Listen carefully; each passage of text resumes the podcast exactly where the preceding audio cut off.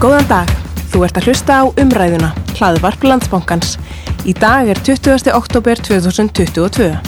Við ætlum að ræða þjóðhagsbána sem við í hagfræðidildinni kynntum á opnum fundi í hörpu í gær. Við förum yfir það helsta, hagvöxtin, verðbólguna, ferðamenn, kaupmátt og fleira. Við ræðum það hvað hefur gerst á síðustu mánuðum og ekki síst hvernig við spáum að hagkerfi þróist á næstu þremur árum. Við setjum hérna fjögur úr hagfræðidildinni. Ég heiti Hildur Margret Jóhannsdóttir. Hér eru líka Una Jónsdóttir, forstuðumæður og Ari Skúlason og Gustaf Stengrimsson. Landsbankin er fjármálafyrirtæki sem lítur eftirliti fjármála eftirlitsins. Nánari upplýsingar og lagalegan fyrirvara má finna á landsbankin.is umræðan hlaðvarp.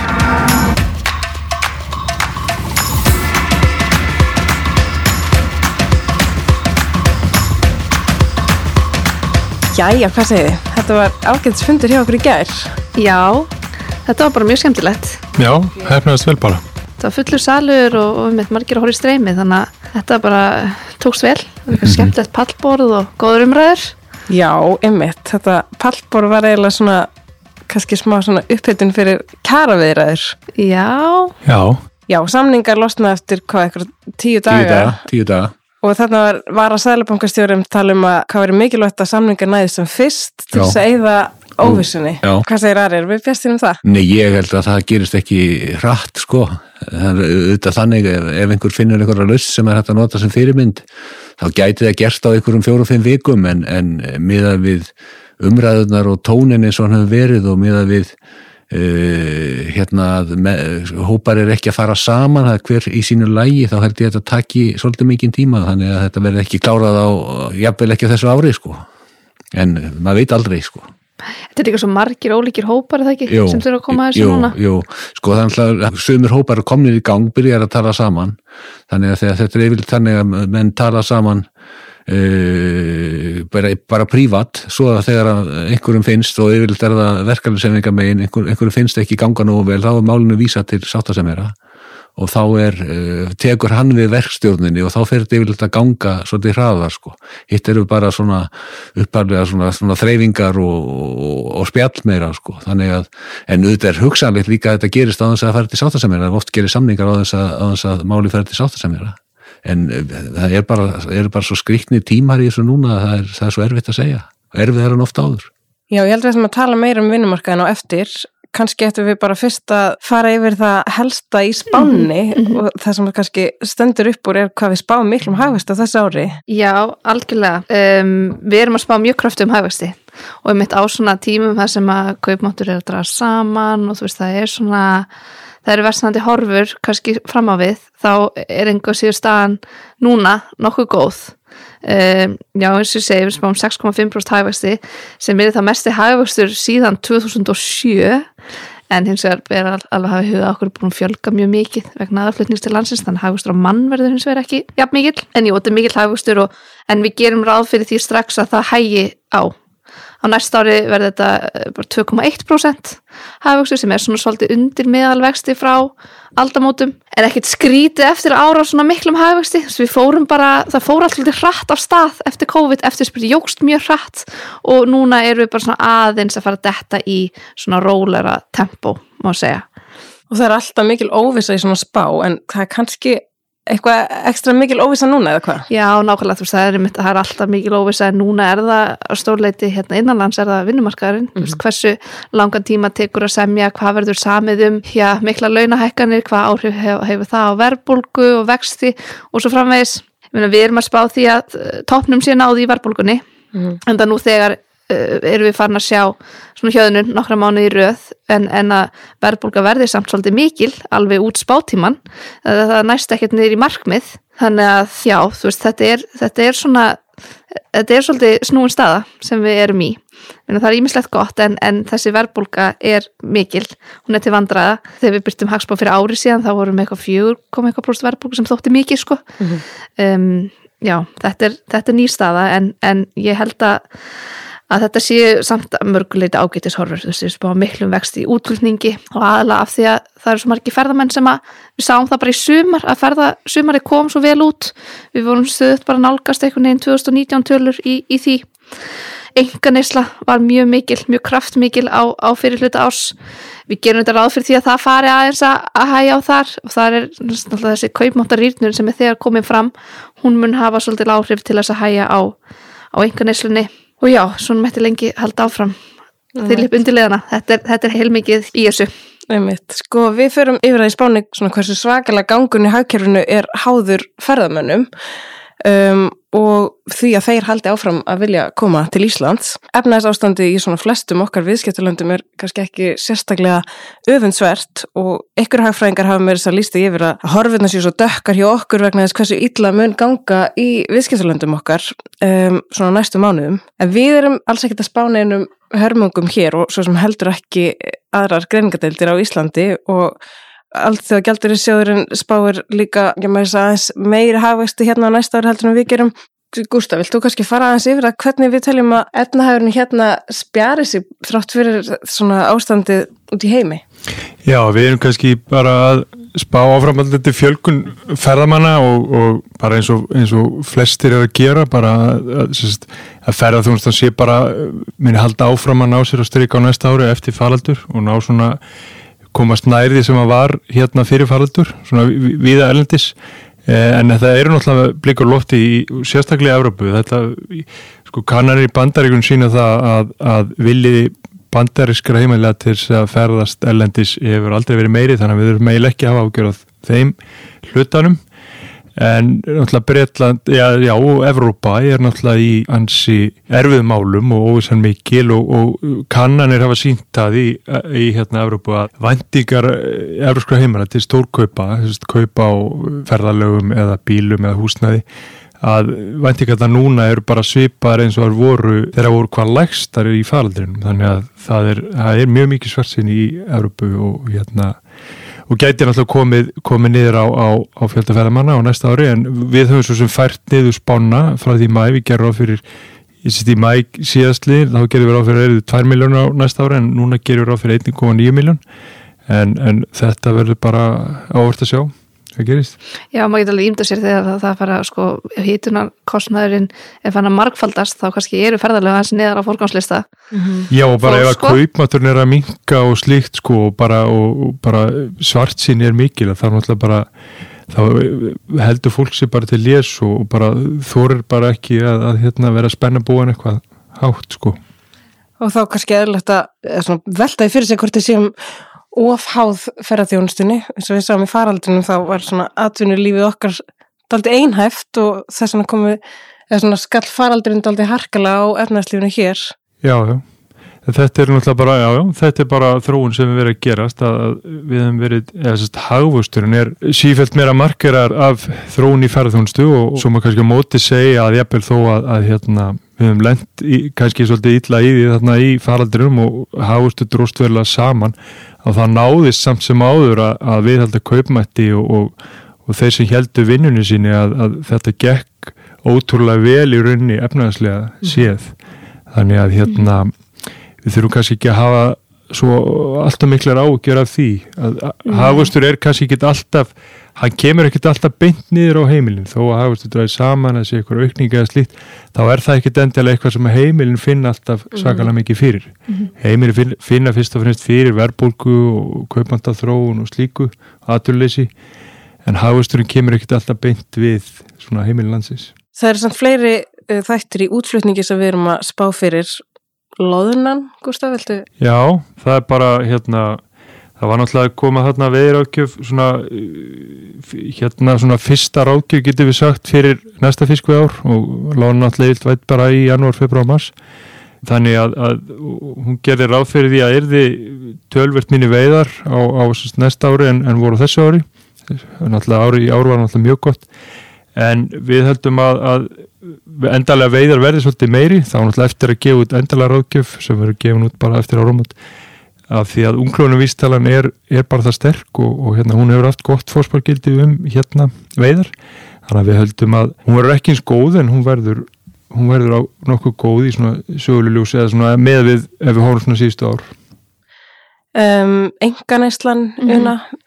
Já, einmitt. Uh, sko við við höfum verið mjög dugleg að, að ferðast og eða peningum eftir þessum faraldri lög einhvern veginn vöxturinn á fyrirluta ásvar 11% sem að er mjög mikið.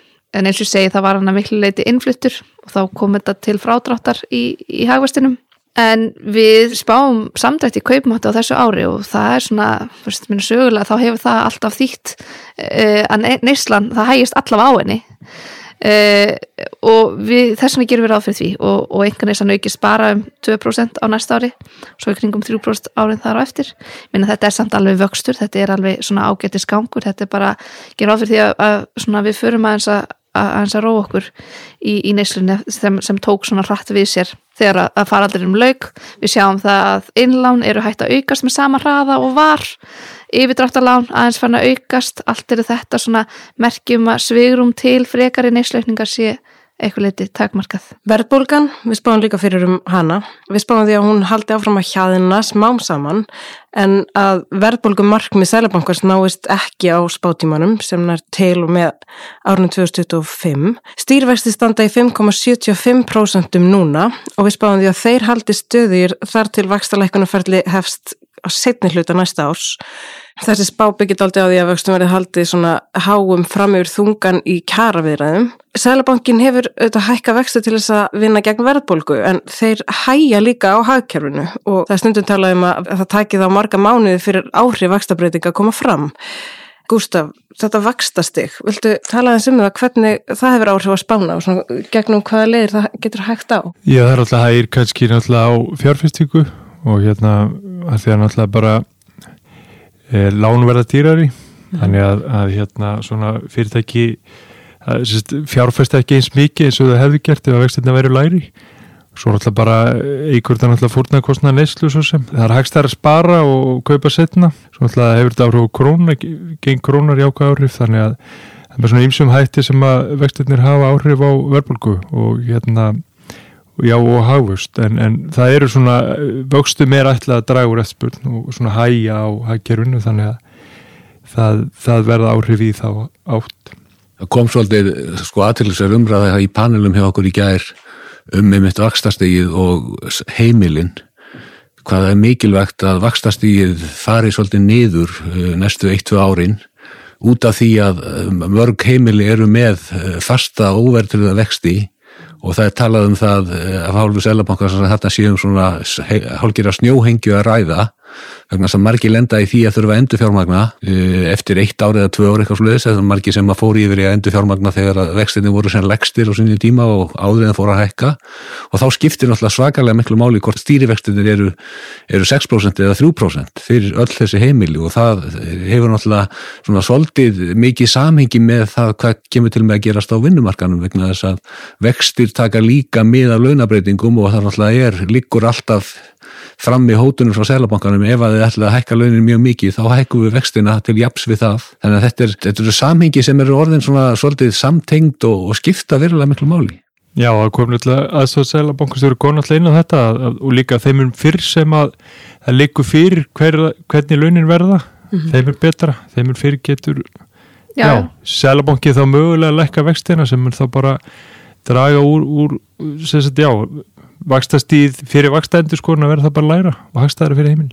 Og vakstastíð hefur áhrif á íbúðafjárfestingu sem við spáum að verði nokkuð kröftu áfram en það er samt aldrei óvisa í gögnunum um íbúðafjárfestingu. Já, mér finnst það svolítið aðtiklisvert hvað þessi liður uh, reynist erfiður að spá fyrrum af því minn, þetta eru náttúrulega íbúðinu sem við sjáum bara rýsa sko og það er svona svolítið merkilegt að, að sko það að fólk keiri um landið og telli íbúðir það, það reynist bara svona já áræðanlegast gögnin um, um íbúðuppbygginguna. Mm. og og þar uh, sýnir talning HMS og samtakaðina að það sé 35% aukning á þeim fjölda íbúða sem eru núna í byggingu sem er mjög mikið, það hefur verið mikið byggt hérna á síðustu árum og þarna sjáum við bara reynilega vöxt uh, nú á sama tíma þá byrtir Hagstofan tölur sem að sína samdrátt á, hérna, á fyrirlega dás upp á 7% millir ára í íbúðafjárfestingu sem er bara svolítið sérkennlegt en það tekur Hagstofan fram að það ríkir mjög mikil óvisa um þær tölur. Þannig að við svona lítum svo á að sá samdráttur sé ekki lýsandi sko þannig að við spáum 1% vext í íbúða fjárfestingu á þessu ári og svo áfram 4,5% á næsta ári og svo 0,5 að við förum svolítið upp í svona þetta umfang sem var árum 2019 og 20 og þá var verið að fjárfesta fyrir cirka 185 miljardar á hverju ári sem er mjög mikið. Og það er náttúrulega skorður fyrir því hvað sem mikið er hreinlega hægt að byggja. Meðal annars nýr það að mönnun í greinni könnun Gallup meðal hérna, stjórnanda fyrirtækja síndi nýla að með helmingur fyrirtækja í byggingarina vil fjölga starfsfólki sem að er mjög hátt hlutfall og það geti alveg reynst flöskuháls í þessari grein og svona það hversu mikið er hægt að byggja fram á við auðvitað getur bara við um byggingarina en það er skortur á starfsfólki víða mm. þessa stundina En já, stóru myndin er svo við, við spáum því að það verði bara talsvægt byggt hérna áfram eins og var núna á allra síðustu árum. Ekkert brjálaði vöxtur millir ára en svona jöfn og, og, og, og mikil uppbygging mætti segja. Einmitt. Og þetta sem þú varst að nefna um að fyrirtæki vildi fjölga starfsfólki, það er einmitt svona skýr merkjum spennu á vinnumarkaði. Það er bara skortur á starfsfólki sem er rosalegur viðsnúningur frá því sem var í COVID þegar atvinnuleysi fór upp í 12% og fólk var bara í mestu vandræði með að fá vinnu um, og þessi staða þrýstir á laun mm. einmitt núna í aðdraganda kæraverina uh, og saman tíma er kaupmáttur allt í náttúrulega að dragast saman sem hefur ekki gerst já, melli ára í 12 ár Sko Ari, hvernig heldur að stemningin verði í karphúsinu við þessar aðstæðar? Stemningin er náttúrulega, þetta er ekki komið í karpúsinu en þá en það verður örgulega líflegt í karpúsinu. Þetta lítur náttúrulega út fyrir að verða tölvert floknara það verður ekki, vendarlega ekki um jafn mikið samstarf millir félaga og sambanda að ræða eins og verið hefur. Og við vitum til dæmis núna til dæmis vestlunamenn eru byrjaðir að, að tala við aðrunnegatur, það er náttúrulega mjög stór hópur. Þannig að þetta hérna fer að fara að stað en eins og ég sagði áðan sko þá gemur þetta ekki til með að ganga reiknaði með, gemur ekki til með að ganga neitt mikið rætt, spennan á vinnumarkaði hún skiptir auðvitað máli og við sjáum það í sömum greinum að mönnunin skiptir máli, það þarf að kaupa fólk til þess að koma til starfa. Við heyrðum náttúrulega eh, í gær í umræðanum hjá okkur frá eh, samtöngum aðurlýfsins að það er ráðleggingin svo að taka eitt skref tilbaka og byrja svo upp á nýtt. Og ég er ekki vissum að allir séu hinn með borðið sammála því. Eh, það er náttúrulega eh, er ný stað að kaupmáttur hefur, eh, er farin að minga hafur mingað törverst mikið á þessu ári. Og það er náttúrulega, er, náttúrulega áformum að sækja þetta tilbaka. Það eru þetta líka háð efnaðas ástandinu, við vitum það að, að það er erfitt að, að byggja upp kaupmátt í mikill verðbólgu, löng, löng saga segir okkur það Einmitt. Og Haldur Benjamin, frangotistjóri samtaka atvinnulíksins, saði um í pallborni gæra að það væri bara ógjörningur að auka kaupmátt við þessar aðstæður. Um, við spáðum því samt að kaupmáttur sko þóttan drægist aðeins saman á þessu ári þá fara hann aftur að aukast á næsta ári. En það er líka að við spáðum því verðbólka fari hjaðnandi. Sko við spáðum í raun og okkar launaspá byggir á sögu fortíðarinnar. Launin hækka alltaf með svipum hætti á Íslandu hækka í, í kringu 60% ári. Og það er það sem við byggjum á. Kaupmátturinn kemur til með að aukast vegna þess að verðbólkan mingar mhm. -huh. þannig að launabreitingarna verða svipaðar. Og það er að hafa lága verðbólgu. Og það er náttúrulega gefur stöðugan og góðan kaupmátt. Þannig það er náttúrulega eitthvað sem að þyrti að stefna að. Það komu nýjar tölur um íbúðaverð í gær, íbúðaverð í september. Þar síndu að íbúðaverð hækkar örlítið sem að geraði ekki í síðasta manniði en þetta er samt í fyrsta skipti síðan einhvern mann 2020 sem sko fjölbíla er að lækka í verði, una hvað segja þess að tölur okkar?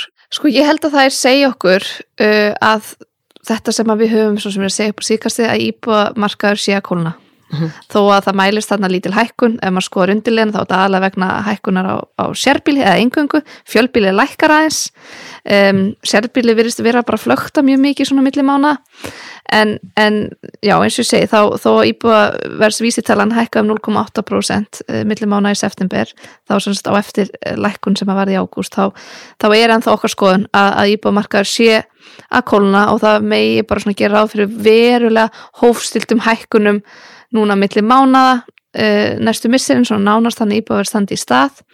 Og það mun samt leiða til þess að meðal breytingin millir ára í ára verði 22% þá aðalega vegna hækkana sem eru þegar komna fram. En svo gerum við ráð fyrir 5% hækkun að jafna á næsta ári 4% árið þar á eftir sem er svona mjög hófstilt spá, jafnaði hefur íbúðar verið að hækka um cirka 9% frá aldamótum, þannig að við, við gerum á fyrir svona algjörlega nýjum takt á íbúðamarkaði sem að kemur ekkert á óvart. Sælabankin er búin að grípa til þó nokkur aðgjörð þess að reyna að stemma stigu við, við þessar eftirspurt, búin að hækka vexti, búin að þrengja þessast herða lán þegar skilirinn það er bara hreinlega orðið svolítið erfitt uh, fyrir mjög marga að kaupa íbúð og það mun alveg halda aftur á þessum verðhækkunum, það er alveg klart mál Einmitt. Og Sælabankin hefur ekki talað eins og að stefna eitthvað í það fljótlega að þessi lónþegarskilur verði aftur að verði aftur slakað á þeim. Nei, það held ég ekki, ég held að þetta, sé, þetta verði svona áfram eitthvað sko Um, Hlutabriðamarkaðurinn, vakstast í bítudaldi þar. Já, já, og það náttúrulega er, það sem hefur að gerast náttúrulega líka er að krafan á skuldabrif, hérna heima erlendis hefur náttúrulega hækkað mjög mikið, krafan til langs tíma er, er mjög há, hvað sem er hérna heima eða erlendis. Og það náttúrulega hefur þau áhrif að, að því að náttúrulega fjárfæst er alltaf velta fyrir sér sko hvort það er að kaupa skuldabrif eða hlutabrif, að teknu tillit til áttu, að þá hefur bara, þá er það krafa það há í dag að einhver leiti er einhvers konar fæsla frá hlutabröfum yfir í skuldabröf og hérna og bara krafan hefur áhrif á hlutabröfamarkaði og bara ávöstunarkrafa á þegar ávöstunarkrafa á ávættulegsa vexti hækkar, það er náttúrulega hækkar ávöstunarkrafa á allar aðrar fjárregnir eins og hlutabröf og það hefur þau áhrif að lækka verða á hlutabröfum en markaður náttúrulega bara er svolítið, en þá svolítið svona tvístíðandi, allavega ellendis og verið svona, koma svona rókur og svo lækkar hann aftur þannig að, að hérna það er bara svolítið erfitt að spá fyrir um hvað verður erlendis hvernig þetta þróast, bara mikið lóisa Mikið lófis að ég ekki bara enda á þeim nótum. Jú, það er Jú. mikið lósa. Það er alltaf mikið held það, er það svo sannarlega Una Jónsdóttir, Ari Skúlason, Gustaf Stengrimsson, takk fyrir spjallið. Ég heiti Hildur Margrét Jóhannsdóttir og þú varst að hlusta á umræðuna, hlaðvarp landsbankans. Við í Hagfræðadeildinni þakkum fyrir okkur. Takk Takk fyrir